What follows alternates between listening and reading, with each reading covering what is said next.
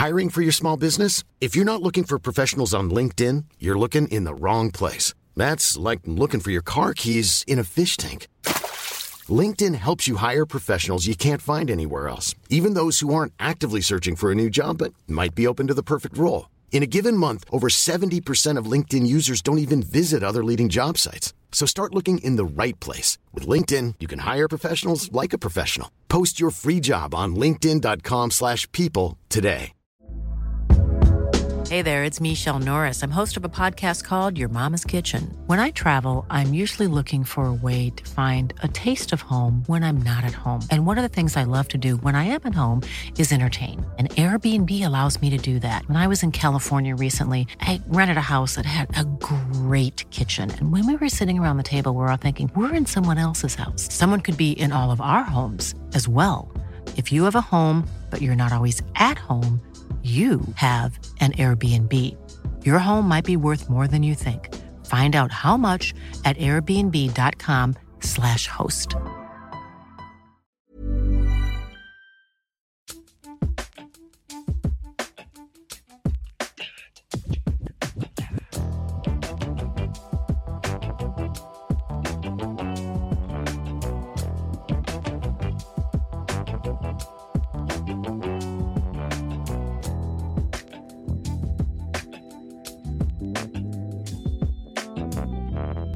En mening jag hör då och då.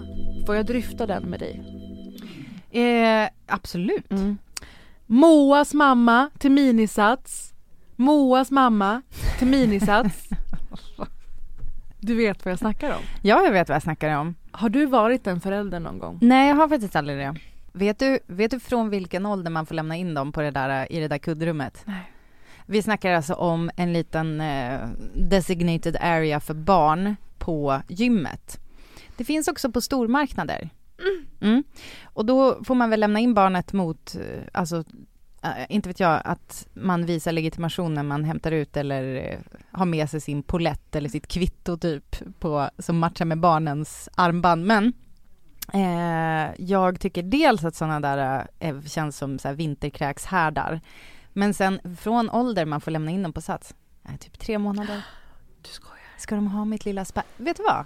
Typ hellre att de har mitt lilla spädbarn, för de är ju inte så krävande höll jag på att säga. Viktiga. Jo, men, Jag eh, tror du skulle säga viktiga. De är Nej, inte så jag tänker- viktiga. Nej, men alltså jag tänker typ så här att ha en, en ett och ett halvt åring som helt plötsligt bara, det här, den här personen ska du hänga med nu som du inte har knutit an till på Mm. något sätt, ingen inskolning, bara hej då. Det är så roligt eh, och när man är och tränar och man hör den här meningen då fattar man att det är någon unge som gråter hysteriskt, som kanske kräks, som vad som helst eller som bråkar. Och jag fantiserar, jag funderar lite på det här för när jag var liten då fanns det här väldigt mycket, väldigt eh, överallt. Men du, alltså förlåt, jag googlade det här nu. Ja. Barn från sex veckor. Åh herregud! Alltså fittan har inte läkt än. Och då ska man alltså, när man är i det, ska man hala in sitt lilla barn. Ja, ja, jag fattar att även den förälder som inte födde barnet kan lämna in ett barn på barnpassning kanske. Då, så här, till den förälder som inte har fött då, Mm. gå inte på gymmet då, utan kanske var med ditt barn. I don't know. Gud vad du börjar nyansera det Nej här på men en gång. gud vad jag, vad jag nyanserar, jag känner att jag var jättesträng.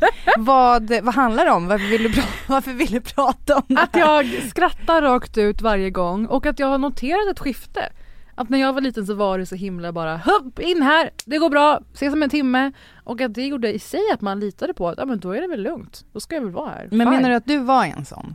Med typ Ja, såhär hoppborg på ICA Maxi? Jämt! Ja, ja, ja, ja. In här, fan.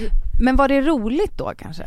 Ja, det Ja. var mycket roligare än att vara hemma Roligare och kolla på att TV. gå, ja. Eh, eller att gå runt och handla liksom. Men jag funderar på det här minisatset för att i, min, i mitt huvud låter det som att det inte bara är ett kuddrum utan att det är ett mi, litet gym för barnen. ja, det är faktiskt Och kul. det Ja. blev jag besviken av att det absolut inte var. Hur svårt kan det vara att göra lite kettlebellformade roliga leksaker? Eller att det finns en skivstång där inne. Du vet vad, det här borde de göra och då kan jag tipsa om att vi faktiskt fick, när Essa var bebis, så Mm. var det någon människa som skickade, alltså folk är så gulliga ibland, skickade en virkad kettlebell. Fan. En stoppad mjuk, så jävla gulligt. Men så det kan ni, tips till Sats. Men jag vill också säga, alltså Sats har ju också, vilket jag tycker är jätteextremt mega bra, att man får ha med sig bebisen på sitt pass. Alltså de har så, jo, de har såna här typ mamma, mammaklasser. De ska jag börja Kanske gå också på. pappaklasser, borde de ju ha. Jag ska börja gå på dem bara för att få se en bebis. är det obehagligt för mig? Förlåt. Nej men jag har insett jag kommer undan med så mycket för att jag är en ung-ish kvinna som från en man hade varit sinnessjukt beteende. Misstänksamt beteende. Ja, Nu börjar jag bli meninist här och om, om du hade varit en man som hade sagt det här nu i Mm. en podd, det hade ju också inte varit okej. Då hade jag varit Navid Modiri. Hejo! Vidare om minisatsbarnen. Att beteckna det så låter lite som neurosedynbarnen. Att man, att man sätter en etikett sådär, form. För att det som är intressant är, tänk om 20 år så kommer det en P3-dokumentär som heter Minisatsbarnen. Mm. Som handlar om hur det har varit formativt för de här barnen. Hur det har förändrat dem. Att mamma måste ha en tight röv, gumman. Och att de slängs in fyra gånger i veckan Ja. i ett rum kanske en penalistisk Ja. eh, satstränare som kan klämma en nöt mellan skinkorna. Mm. Alltså det kan ju barn plötsligt. jag vill bara för nyans då, vill, det kan ju vara så att mamma satsar på att persa i marklyft. Alltså det kan ju vara det. Det kan ju vara så att mamma, ja, det här är nästa nivå. Vad- Hur vet vi att mamma inte lämnar Moa på minisats och sen går och på fikar. Och sen går, och, sen går och Hur handlar? Ja. Hur vet vi Vet det? vad, vet du vad, det är kanske är därför de håller på och ropar så djävulskt på Mias mamma, för att de känner så här, det är något skumt. Hon har lagt en så här, vet du vad hon har lagt? Hon har lagt en så här babycall i repan på Sats, så att Mm. hon hör när det knastrar till kommer hon kutandes från. Pascal typ. Har du sett den här filmen med Charlize eh, Theron? Eh, nej, det har jag inte. Filmen heter Tully och den är skriven dessutom av, Nej jag vet! Du vet det här, det är därför jag är så förvånad. Eh, det är alltså Juno-skaparen va? Ja. Ja, eh, hon heter eh, något som låter väldigt taget, hennes stripper name typ. Obs, hon har varit strippa, det är inte condescending. Eh, Diablo Cody. Diablo Cody. Vänta nu, är det mitt babyname nummer ett? Oh! Diablo Amiri! Den är eh, regisserad av Jason Reitman och det handlar ju om att Charlize Theron, det uppdagas ju att hon kämpar så mycket med tiden efter eh, sitt första barn, födseln av denna eh, individ och att är- man börjar märka att det är inte alls som står rätt till.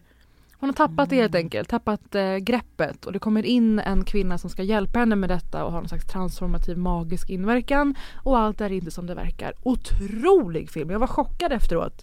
För när det är så hypat kan jag få en motvallsreaktion, att jag då inte ser filmen på minst ett år. Så var det med den här filmen och jag Mhm. ångrar det. Se den du! Ja, okej. Och ni som lämnar era barn på till exempel minisats för att sen gå och göra annat. Hör av er, ni är mina hjältar! Nu när du säger det där så kommer jag att tänka på, apropå att ha någonstans att göra sig av med sitt barn, eh, Ja. när man måste göra någonting annat. Mm. Två händelser nyligen. Nummer ett, här, att jag satt i den här situationen att jag måste åka med ett barn till akuten, var ensam hemma. Vad gör jag med det andra barnet? Va, alltså förstår du att så här, ringa runt och Ringde här, inte mig, Nej, notera det för framtiden. alltså no offense men du var inte så här etta på listan. Förlåt. Det var också en lördag morgon. Men jag, jag gör Ja, det. ja, jag ringer dig nästa gång. Men det är ju bara så helt sjukt att man, att man inte bara kan åka till akut, alltså jag Mm. måste så här ha en barnvakt. Att och inte det är ju sjukhuset har ett minisats. Eh, jo tack, om pengarna gick till det, alltså de har ju inte ens pengar till personal. jag, jag eh, eh, det var faktiskt på många sätt en jättetråkig upplevelse eftersom jag även inte fick komma in på sjukhuset eftersom mitt barn, lilla barn hade symptom som var feber eh, och kräkningar så att jag blev inte insläppt. Men så faktiska anledningen till ditt besök på akuten, att ditt barn var sjukt, var gjorde att en ni inte kom att, in? Jajamän. jag tänkte Så det, där kan man säga stuck between a rock and a hard place. Nummer två, eh, Maid med Margaret Qualley, besatt av henne. Andy McDowells dotter, Som också är med i som filmen. också är med, eller i serien, eh, på Netflix. Eh, den handlar ju om en tjej som lämnar ett, en destruktiv relation och då är ensam och tar hand om sitt lilla barn. Mm. Do you want to call the cops now? It's not too late. And say what? That he didn't hit me? Before they bite, they bark. I pay all the bills. Let you hang out with my friends. I do everything for you. Before they hit you, they hit near you. Och den börjar ju, alltså bland de första scenerna är ju att hon så här, eh, måste ha ett jobb för att hon måste försörja sig och i ett land med noll barnomsorg så eh, blir hon desperat och liksom måste då motvilligt lämna barnet hos hennes tossiga morsa, mm. spelad av Annie McDowell. Eh, jag har inte sett allt, men det jag har sett är otroligt lovande och det känns som att den har fått, eh, du har ju bättre koll på recensioner Nej men jag har också sett eh, första och eh, jag tycker att det är väldigt intressant hur de speglar dels då den destruktiva relationen som vi ofta pratar om, hur eh, vad har vi för kulturell bild av hur sådana ser ut och hur kan det i sin tur leda till att folk tänker att nej men vår relation är inte så här illa i alla fall den visar, den visar så bra att det kan även vara såna här lite mer psykisk misshandel, kontroll och sådana mm. faktorer. Alltså precis en grej som är alltså så jävla fint och bra och känns verkligt det är ju när hon sitter i ett samtal med typ en social worker mm. som frågar eh, så här, ja har han slagit dig? Hon bara nej, inte än typ och hon bara well finns det polisrapporter typ bla bla bla alltså så här, om han, alltså det, att befinna sig i den där mm. gråzonen som är, han har inte ännu blivit våldsam. Det betyder inte att det inte finns fog för att lämna relationen, mm. det betyder inte att hon inte är rädd. Um, just det där som vi pratade om i uh, Ola Rapace-avsnittet vill jag inte kalla det, men vi tog upp att han hade sagt i Stjärnorna på slottet va? Ja. Att han är så här, nej jag har aldrig slagit någon kvinna men jag har slagit sönder saker typ runt omkring dem. Ja. Um, att den grejen också kan vara, alltså så här, jag vill inte ha ett barn i den här miljön till mm. exempel. Men att de, de då inte kan hjälpa henne. Uh, vilket man ju på sätt och vis förstår. Alltså det är svårt för den här uh, social workern och, uh, och det är ju uh, speciell situation att befinna sig i. Alltså det är svårt för dem i form av att de har de begränsade resurserna och uh, mallarna de ja, har. Exakt. De sitter med. Och att det måste finnas en polisrapport. Mm. Men då vill vi tipsa om minisats. Nej. det, jag säger, det jag säger nu är inte då att det här, på något sätt knyta det här till minisats. men det är, eh, alltså man, man, man får ljuset på eh, hur, mycket, hur mycket det till exempel kan betyda eh, att Sverige har ändå, vi har barnomsorg eh, kom, kommunal eh, som kostar ingenting i förhållande till vad man får. Det täcks absolut av barnbidraget och att det såklart inverkar på om man ska kunna lämna en relation. Men att man faktiskt har någon som kan ta hand om barnet. Det är ju till en Staten. viss tid och helg och kväll som många jobbar ja, jag säger i inte... Svea rike. Jag fattar fast... inte hur det går ihop. Nej men eh, det finns ju nattis, man har ju, man har ju rätt till det egentligen. Ja, men det är klart att men det är om det är någon dag hit och dit mm. bara. Du vet, jag tycker det är lite konstigt faktiskt. Mm. Uh, och sen vill jag också säga att det pågår ju en kamp, märker jag. Att hämta barnen först. Det är ja. en prestigegrej det där. Mm, det, Folk ja. hämtar ju tidigare och tidigare. Eh, när man ska boka möten, eh, jag hämtar idag. Klockan är halv tre. Men vet du vad, det där är en spaning också. Eh, vet du vad? Det var... Det här är liksom någonting som man kan göra det kommer inte vara jag, även om jag är känd som den grävande mm. reportern mm. i den här jag studion. Älskar när vi bara lägger ut uppdrag på folk. Men eh, den, den, här, den här grejen skulle jag vilja se statistik på. Mm. Eh, i, på till exempel vi tar Stockholms tunnelbanelinjer. Mm. Eh, från centrum och utåt, i vilken tid folk hämtar sina barn. Ja, vi ska såklart eh, nämna det som har hänt senaste veckan. Alltså den väldigt eh, invecklade, infekterade, fruktansvärda frågan kring dödsskjutningar när artisten Einar blev skjuten. Mm. Det kom nyheten torsdag kväll men fredag var ju såklart det var på allas läppar, alla nyhetssändningar var vigda till detta och att kunna prata om hur förödande och hemskt det är med dödsskjutningar och unga liv och kriminaliteten och allt vad det är. Det blev mycket snack om kulturen och mycket prat om, får man sjunga om sånt här? Och det är ju folk som berättar om sina liv egentligen. Men det är ju svåra frågor mm. och eh, vi har varit inne på det förr. Jag tycker att du Britta sa en så himla träffsäker sak när det begav sig sist om vilket inflytande eventuellt som eh, gängrapp, om vi nu säger så i Sverige, har och inte. Vad kan jag ha sagt då? Minns du inte? Du var inne på att eh, du var inne på att det är inte så att någon har en, en eh, skola med resurser, har föräldrar som Mm. ser en, har det tryggt, har det tryggt hemma. Eh, att det, allting går kanon i någons liv, på rätt bana. Mm. Och plötsligt hör en låt shufflas fram på Mm. P3 Mm. och blir gängkriminell. Nej. Nej, det, det är sant. Och att det, jag tycker också att i de här sammanhangen eh, vill jag, eh, eller jag har tänkt mycket sen i fredags på Karin Götblad, återigen.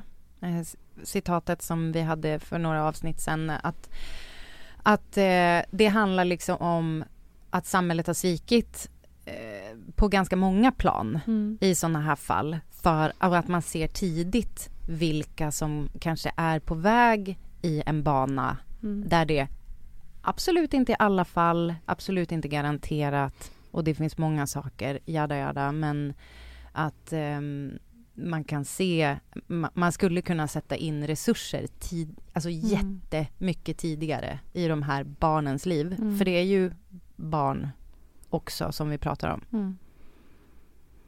Eh, och att samhället har svikit. Verkligen. Vi pratade om Nicolas Lunabba sommarprat som pratar med det här hands-on i Malmö. De har börjat prata med barn som är 8-9 nu Mm. istället för 11-12. Det är så himla omfattande arbete som behövs. Det är supertragiskt och förutom att det är familjer och föräldrar och vänner och allt möjligt som sörjer så är det ett helt samhälle som lider verkligen. Och eh, det blev ju väldigt snabbt också prat om hade det blivit så här mycket uppmärksamhet om det var någon som inte heter Nils Mm. som hade gått bort? Givet principen som du tog upp då med Gabi Petito. Petito. Försvinnandet av en ung, blond, vacker kvinna i USA. Det visade sig att hon har blivit mördad. Och ehm, nu har man också hittat eh, det som visade sig vara hennes eh, förövares eh, döda kropp. Mm. Alltså hennes kille. Så han dödade sig själv också? Troligtvis insåg han att det var kört Mm. och det blev hans väg ut. Och jag vill verkligen säga det att jag tycker att det var några som eh, inte uttryckte sig lika milt som jag gjorde nu om det här faktumet. Att det eventuellt inte hade blivit samma våg av empati, och sympati och sorg rent om det var någon med rötter i en annan kontinent Mm. så att säga som Vi hade har- gått bort. Även i fallet Sipora så kan vi göra övningen vad som skulle hända om en inte ens 13-årig flicka som heter jag, Lisa eller Vilma kanske de heter i den åldern. Och det vi slog fast och det vi slog fast i den om blir tokig Mm. eh, om Gabi Petito och, och den här frågan i stort är att man ska inte sörja mindre när det Mm. är en person som ser ut som majoritetssamhället. Det är yes and. Exakt, som försvinner eller går bort eller blir skjuten eller det är fruktansvärt. Mm. Man önskar bara eh, poängtera att eh, samma empati och sympati eh, efterfrågas om det var någon som inte hade ett namn som till exempel Lisa eller Nils eller liknande. Och det Mm. tror jag att även just eh, Nils eller Einar själv hade hållit med om. Ju, med tanke på liksom vilka han var vän med och vilka han så. Ehm, och det, det tåls att säga så att det, det, där blir det tydligt då att även där är det så här, ställ inte kamper mot varandra. Yes and, som Britta så snyggt säger, utöver det här snygga om att någon inte tröttar på och är på väg att eh, gå handels och bli HR-chef eh, snart. Men som sagt vid 12-13 års ålder hör en gängrap-låt på P3 och pang, förlåt ordvalet pang, och plötsligt blir eh, kriminell. Utan det är ju andra saker i livet som leder fram till det där som jag varit inne på.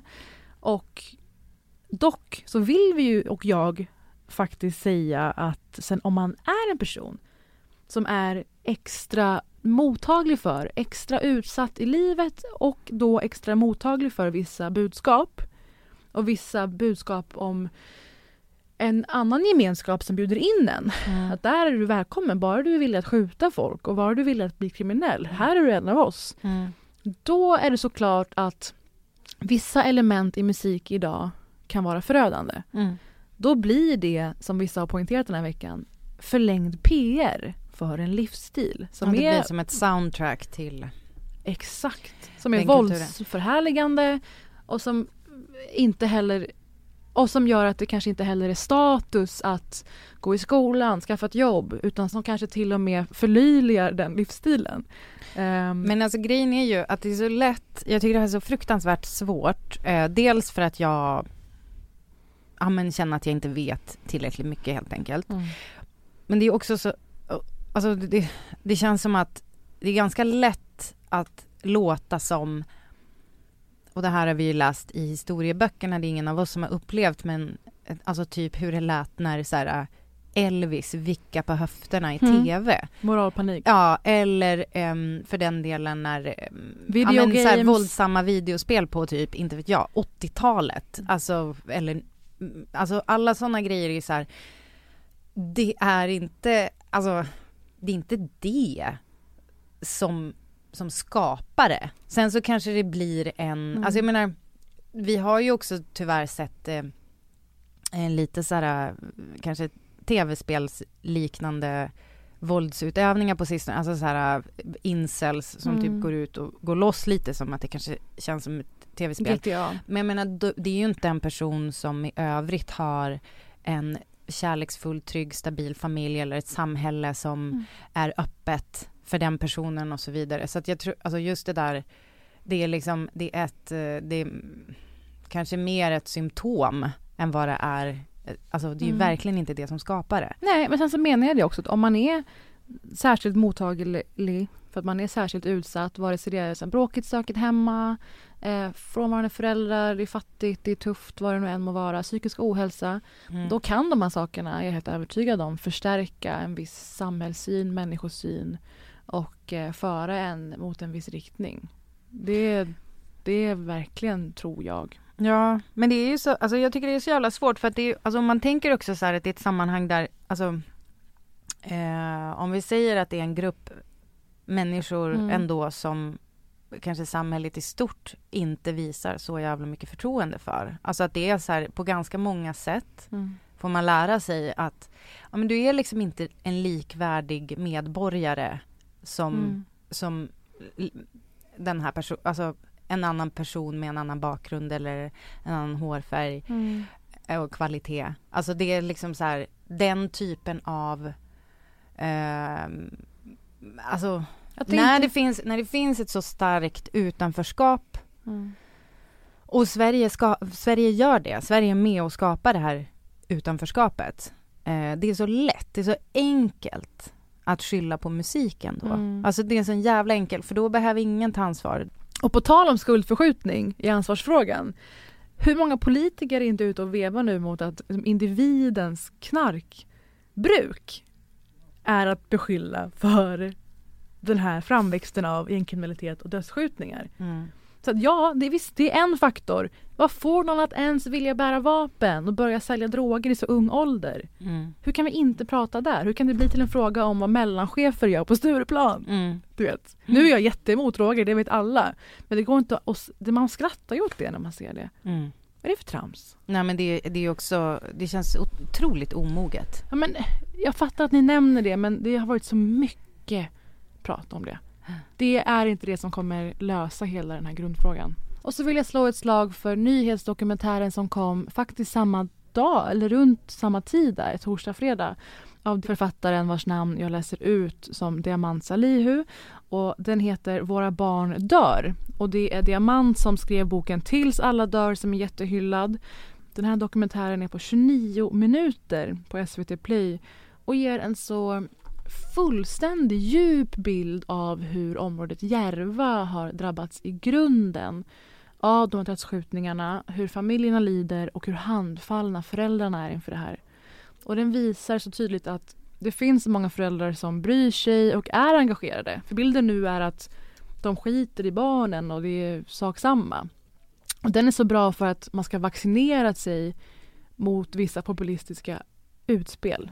Det är inte lätt att hitta enkla svar på varför den svensk-somaliska gruppen drabbats så hårt i Järvas gängskjutningar.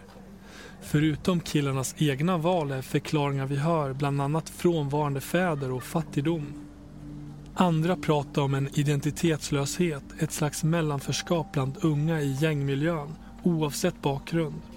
De känner inte att de är en del av det svenska samhället och kan heller inte relatera till föräldrarnas hemland och traditioner. Jag har kommit hit för att få fred. Jag trodde aldrig att jag skulle förlora min son. Vi är trötta. Trötta på att vara rädda. Det här är hemskt. Det här måste ta slut någon gång. Vi behöver många människor som vill samarbeta med oss. Vi har ett arbete framför oss, hela samhället. Fan vad bra, för det där är ju också, det är ju lätt då om man tänker att det är um, jag kände en viss rädsla för när vi nu pratade om det här att det inte är ett barn med så här helt trygga sammanhang i övrigt som bara hör en låt mm. en dag och blir eh, gängkriminell. Och då är det ju lätt att kanske lägga skulden på föräldrarna. Men jag vill verkligen vara så supertydlig med att det är så här, det är, det är egentligen, alltså det är hela samhället. Alltså framför allt så här att se hur mm. resurser fördelas. Det här med att stänga fritidsgårdar är bara, det är bara en grej som känns lätt att nämna. Det finns ju på massa olika sätt som mm. man visar att eh, man inte riktigt eh, finns där för ja. kidsen. Hela etablerade samhället eh, börjar ta ifrån sig sina institutioner. Det är sko fulla skolklasser, okvalificerade lärare. Mm. Den var jättetydlig och den är så bra i att visa på att ja, föräldrarna är viktiga, men vad gör de när det här andra inte finns? Mm. Superbra eh, verkligen på SVT Play. Så den kan man se tycker jag. Mm, man kan också lyssna på eh, Diamants bok eller läsa den tills alla dör. Eh, det, har man inte, det har man inte gjort förgäves.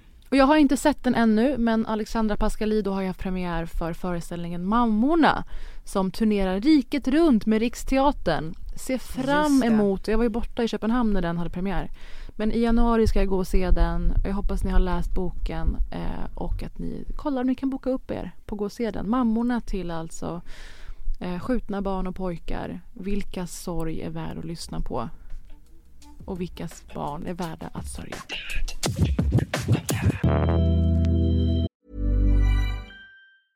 Hiring for your small business? If you're not looking for professionals on LinkedIn, you're looking in the wrong place. That's like looking for your car keys in a fish tank.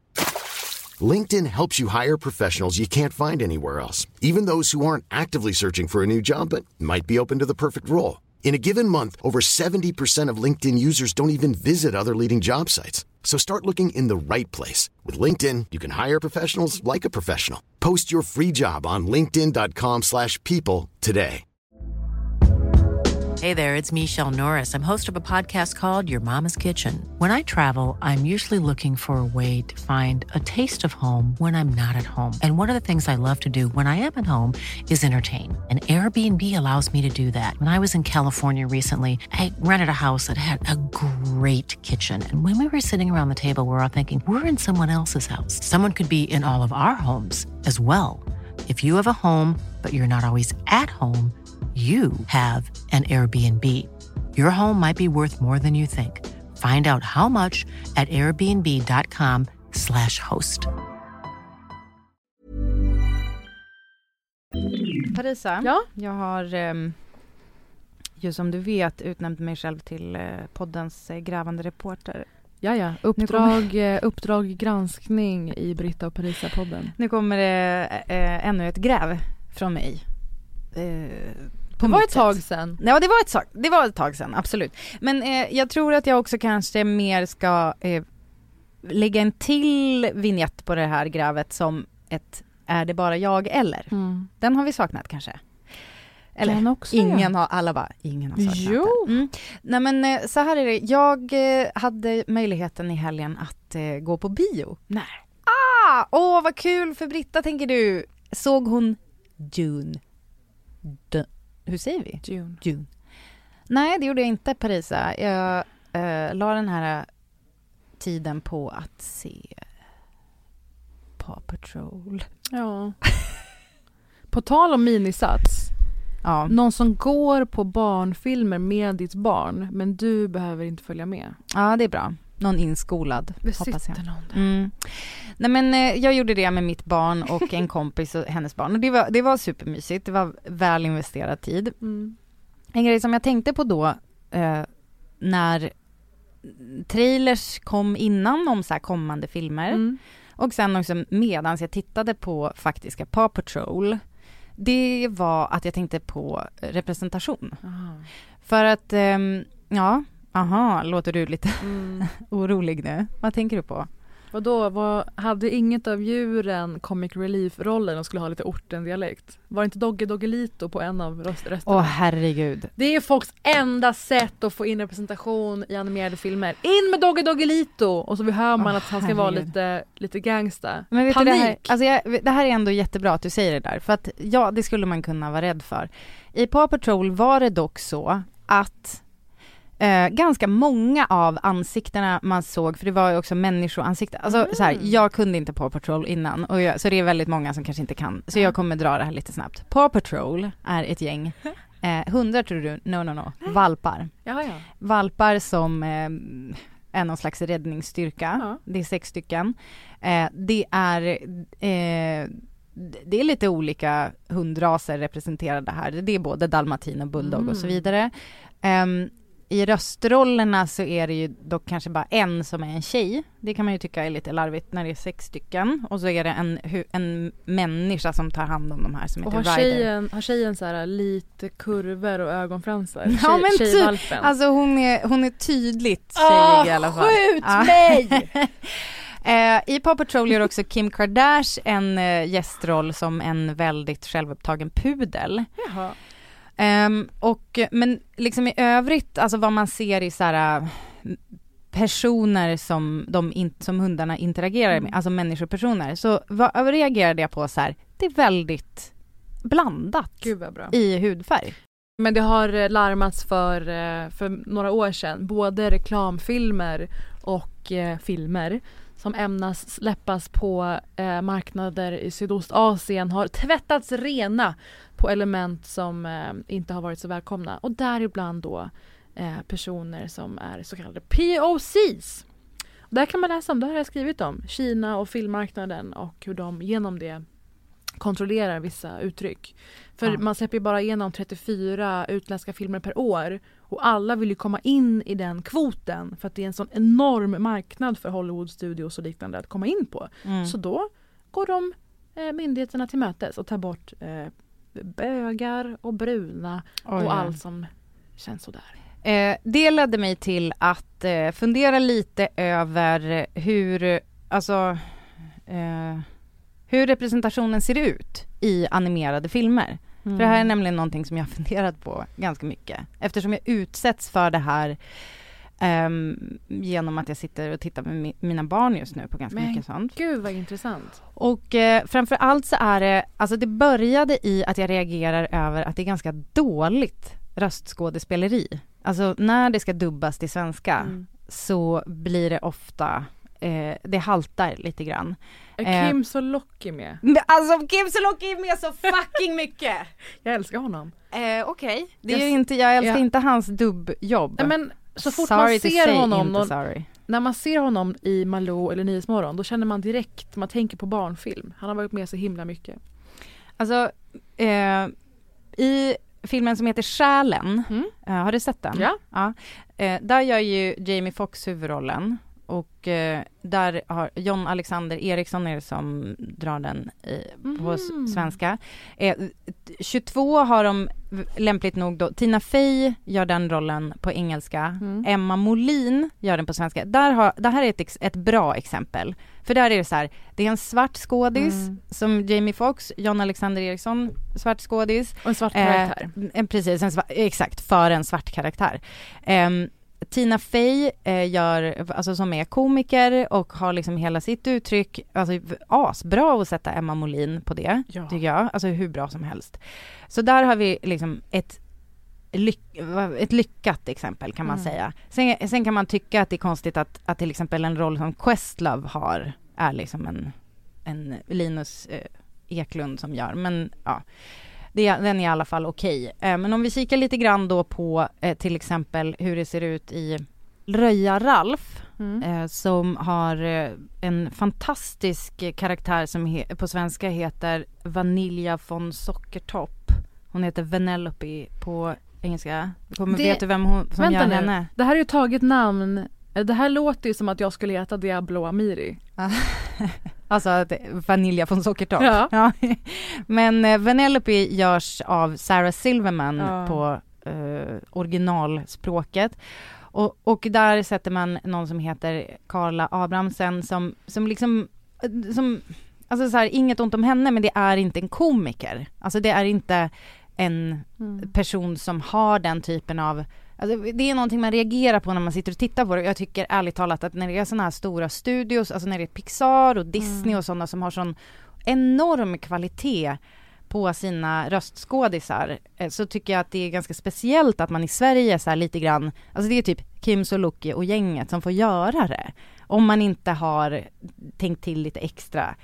Men jag kommer att tänka på Vajana som Mm. mina brorsbarn är besatta av just nu. Ja. Och det är en av få gånger som jag har kunnat säga, eller som de har sagt till mig, åh hon ser ut som Parisa.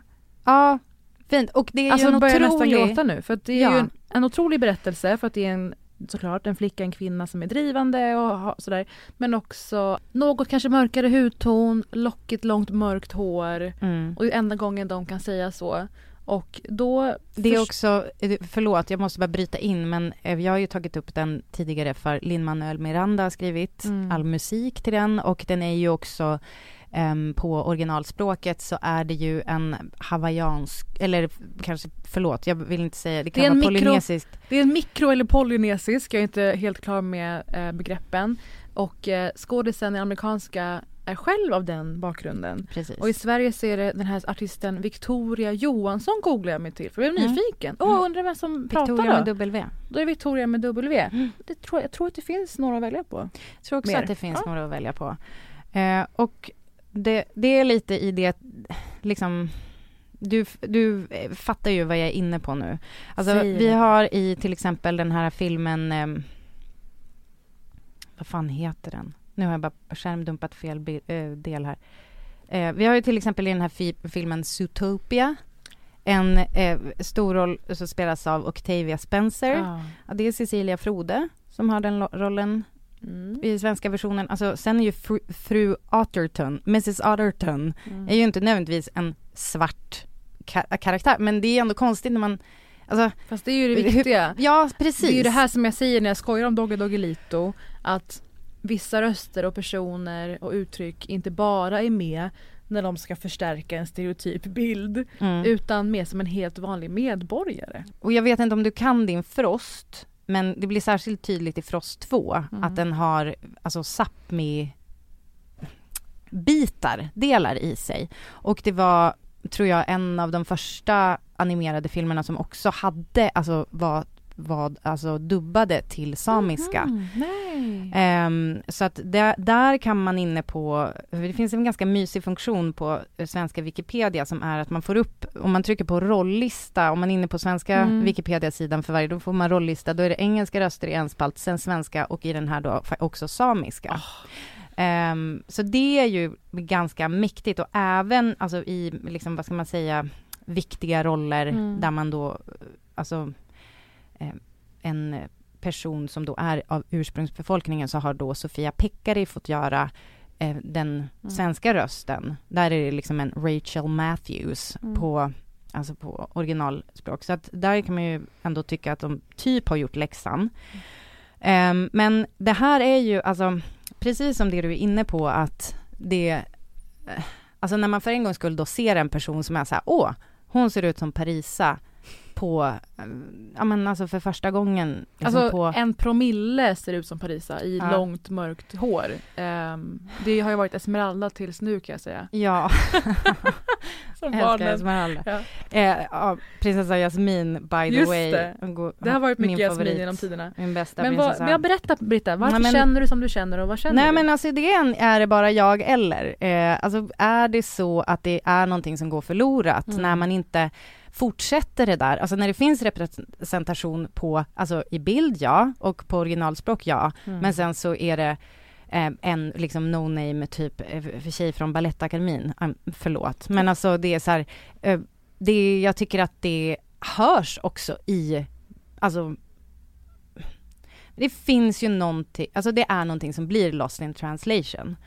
Eh, och det här är ju inte, alltså jag, jag kommer absolut inte nöja mig med att stanna vid då eh, liksom animerade filmer. Det är Mm. bara ett väldigt tydligt uttryck just för att jag också har suttit och stört mig skitlänge på att det är ganska dåligt skådespeleri. Mm. Alltså jag tänker så här, vad, vad är det, alltså vad har man egentligen för urval? Alltså det finns väldigt få tydligt lysande stjärnor. Jag tycker att Mimmi Sandén är helt fucking fantastisk som Anna i Frost. Är Hon, hon. men hon, har så, hon, alltså hon har så svinbra röst. Jag tycker det är helt sjukt att hon inte typ är större än vad hon är. För att hon är så, hon gör ett skitbra jobb. För det är ju Kristen Bell som har den original.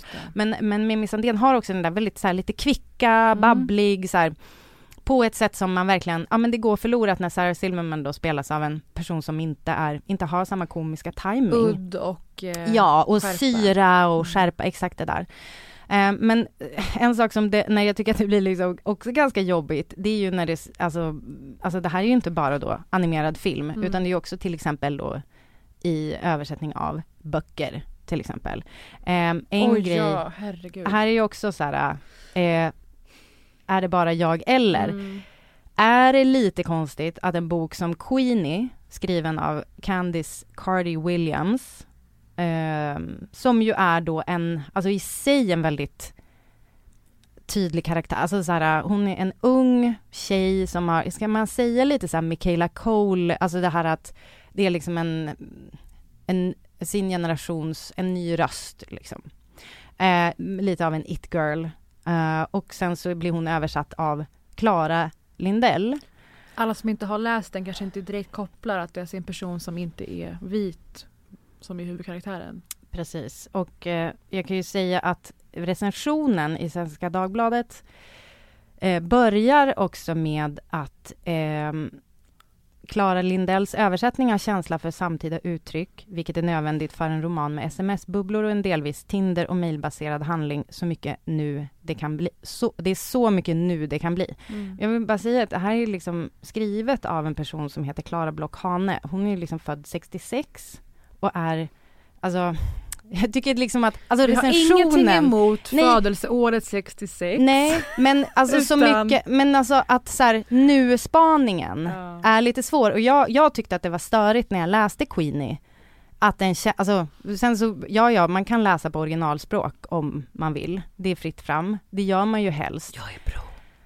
Men eh, ja, men är det bara jag eller är det kanske något som går förlorat? Hade, alltså har vi personer i Sverige som Mm. hade kunnat göra det här med lite mer Det finns det. några exempel som är svårt för mig att namnge.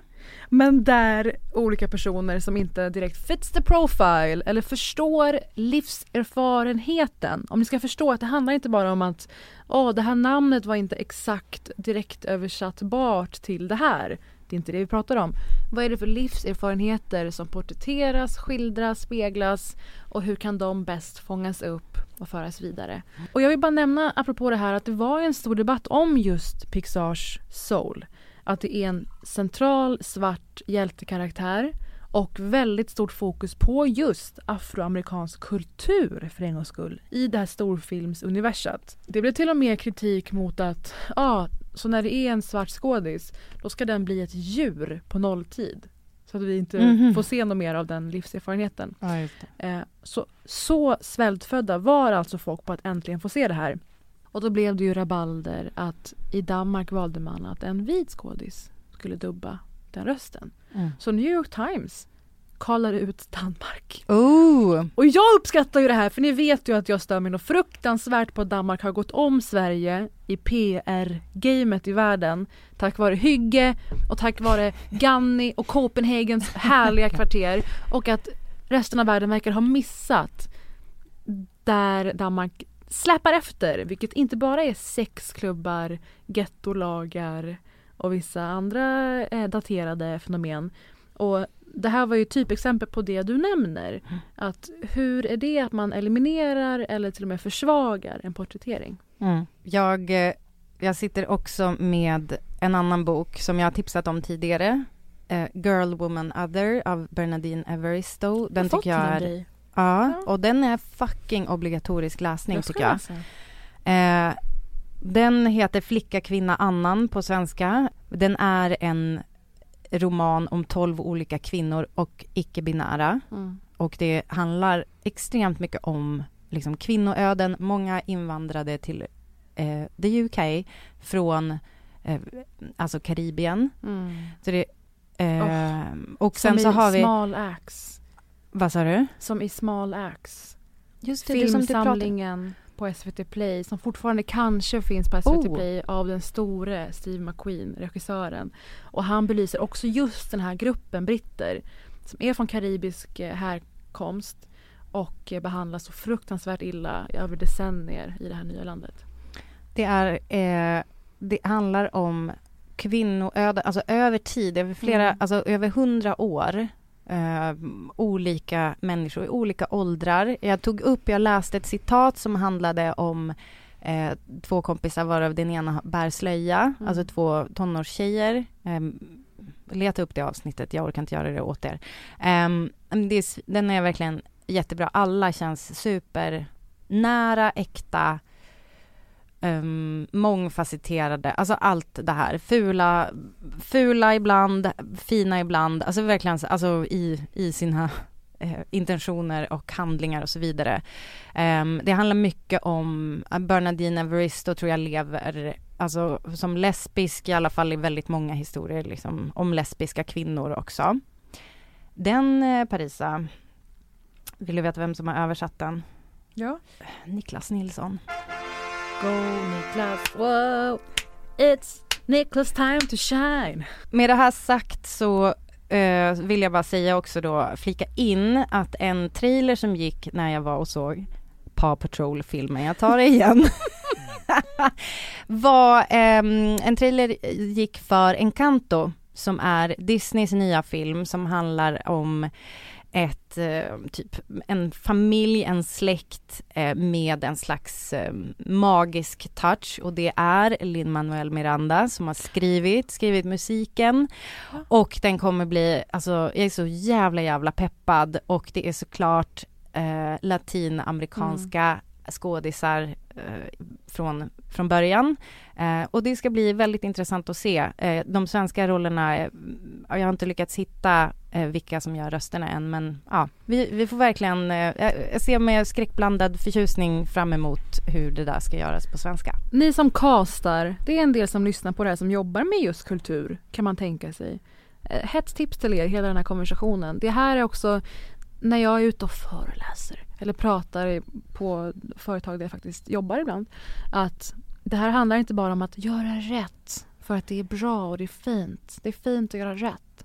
Det här handlar om Gud demokrati. vad läskigt, jag har aldrig hört dig göra den där rösten förut. Nej, men den, visst var det, var, sjukt? Ja, för det, var, som också... att, att höra en person som har så grov stockholmska som jag har göra en ännu grövre stockholmska. Fy fan, usch. Och också med liksom en, läs, alltså som en läskig underton. Ja, det var liksom en kvinna från Djursholm men som vill passa in på Söder. Mhm. Nej men det handlar också om demokrati och det handlar om, du säger det bara, det handlar om business. För här finns det pengar.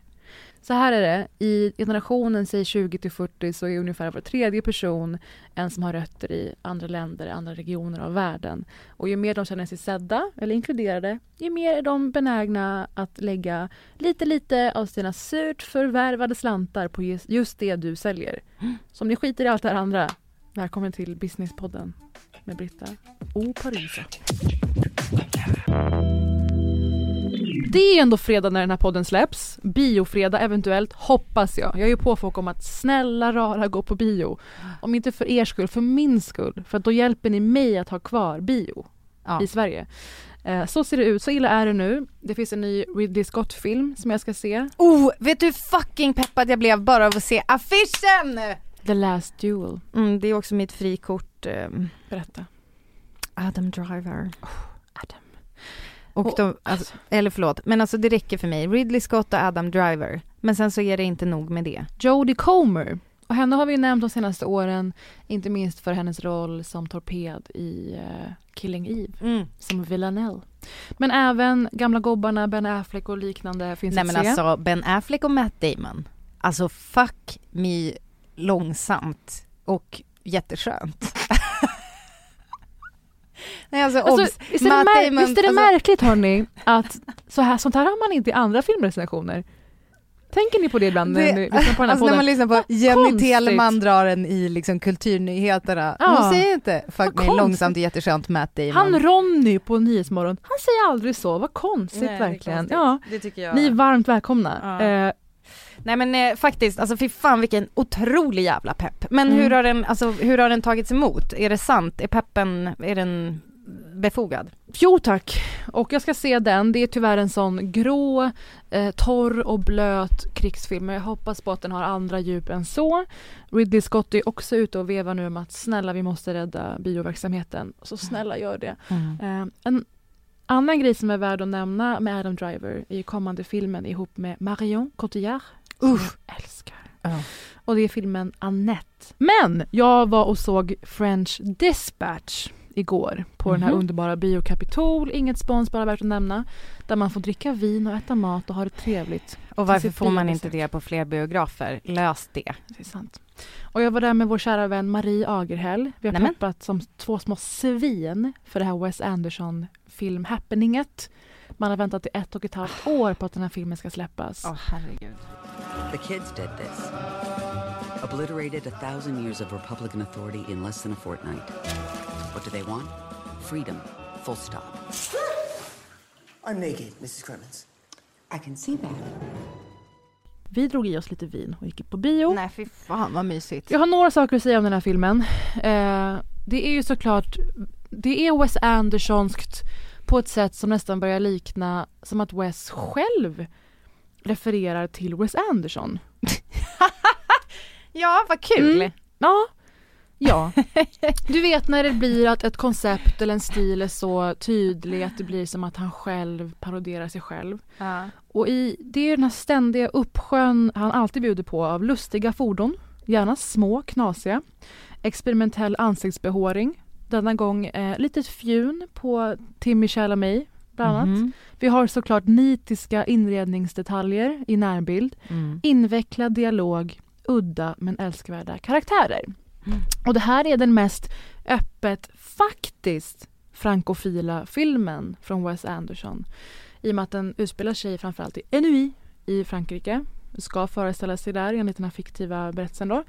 Och ehm, alla hans andra filmer har ju en frankofil stil. Och det är väl Sisu som har varit närmast och Grand Budapest är närmast vad gäller rent geografiskt.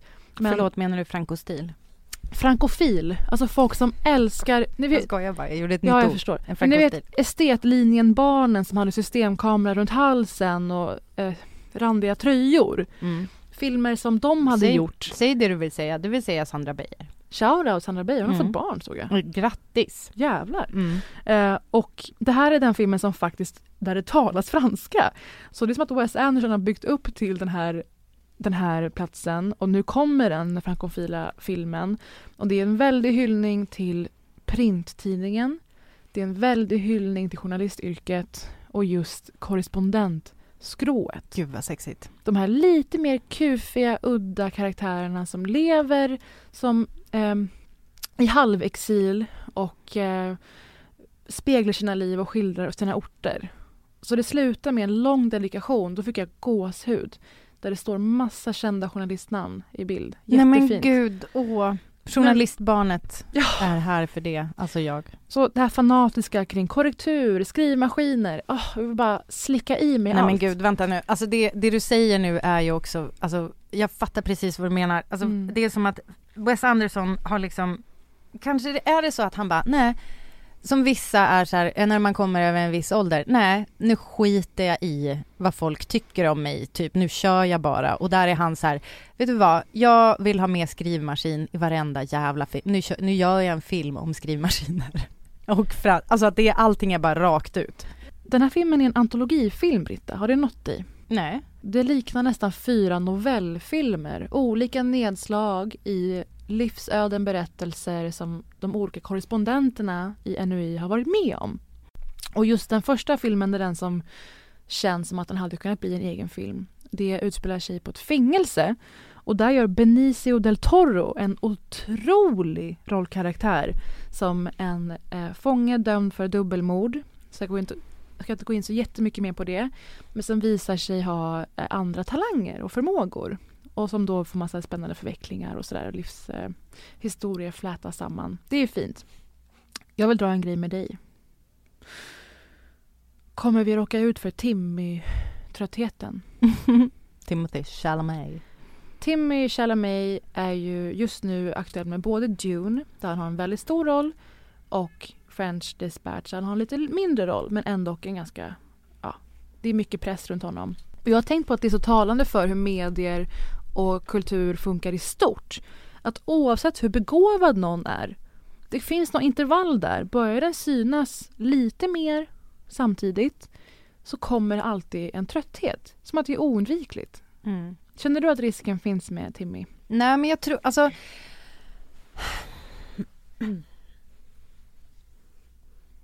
Nej men alltså han är väl tillräckligt bra för och mångfacetterad för att eh, jag vet fan, fan, jag är ju verkligen helt fel person att säga det här tror jag. Alltså mm. göra, lägga den analysen. Men jag, jag skulle vilja säga att han, alltså om man tar typ så här Eh, nu, jag vet inte om jag tänker på honom bara för att de är så lite lika i facet, men, men Casey Affleck till exempel är också en sån här person som typ bara oj vad mycket man såg honom helt plötsligt med Mm. olika, i olika sammanhang. Men ändå typ håller kvalle över tid som fan.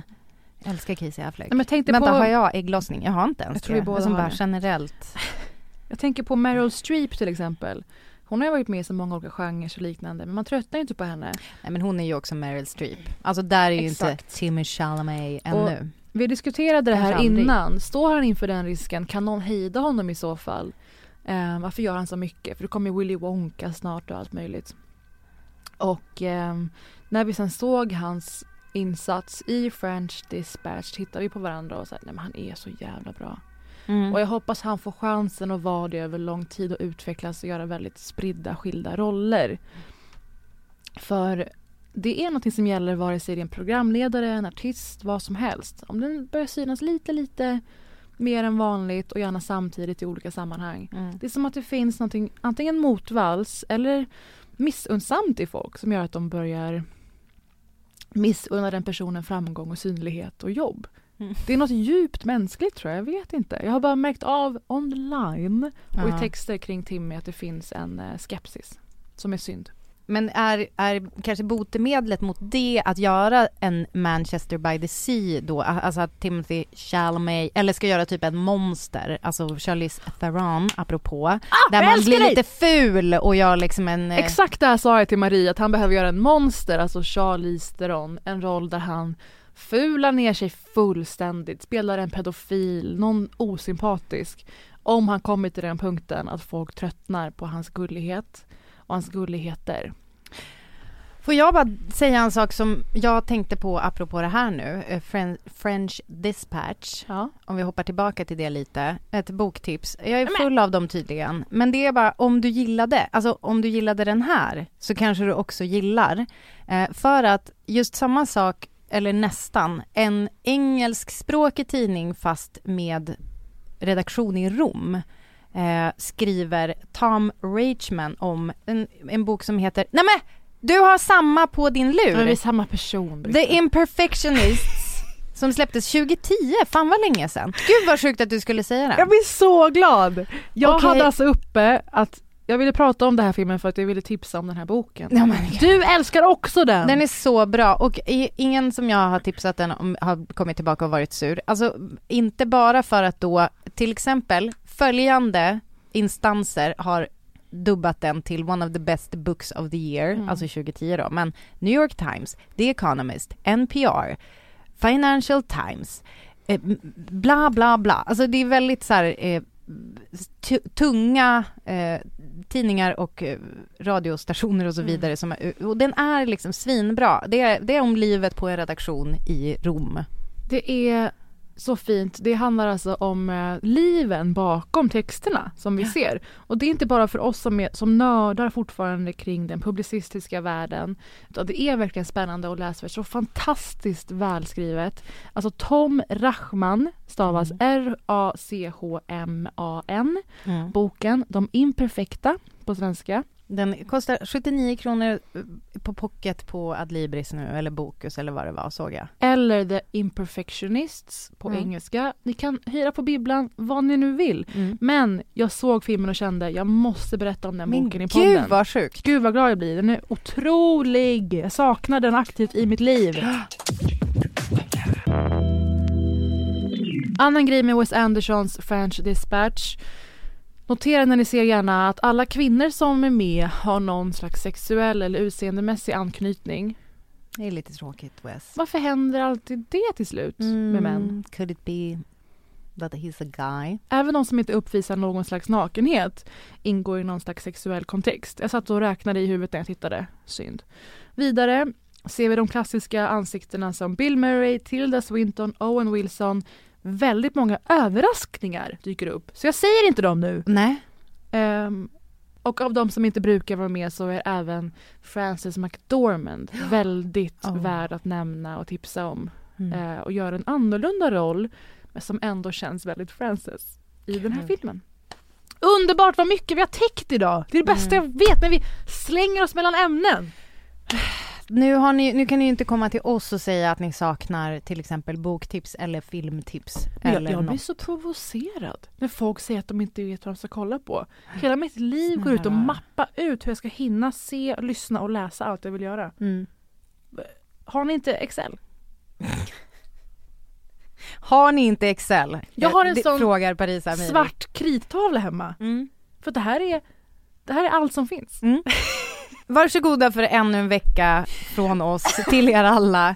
En riktigt god fortsatt vecka hörs nästa gång. Det gör vi ju! Puss och kram. Puss, lycka till! Hej.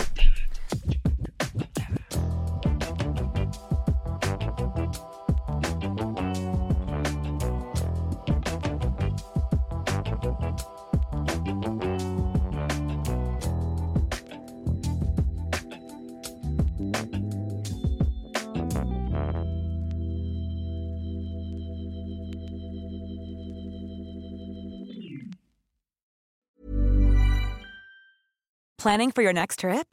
Elevate your travel style with Quince. Quince has all the jet setting essentials you'll want for your next getaway, like European linen, premium luggage options, buttery soft Italian leather bags, and so much more. And is all priced at 50 to 80% less than similar brands. Plus, Quince only works with factories that use safe and ethical manufacturing practices. Pack your bags with high-quality essentials you'll be wearing for vacations to come with Quince. Go to quince.com slash pack for free shipping and 365-day returns.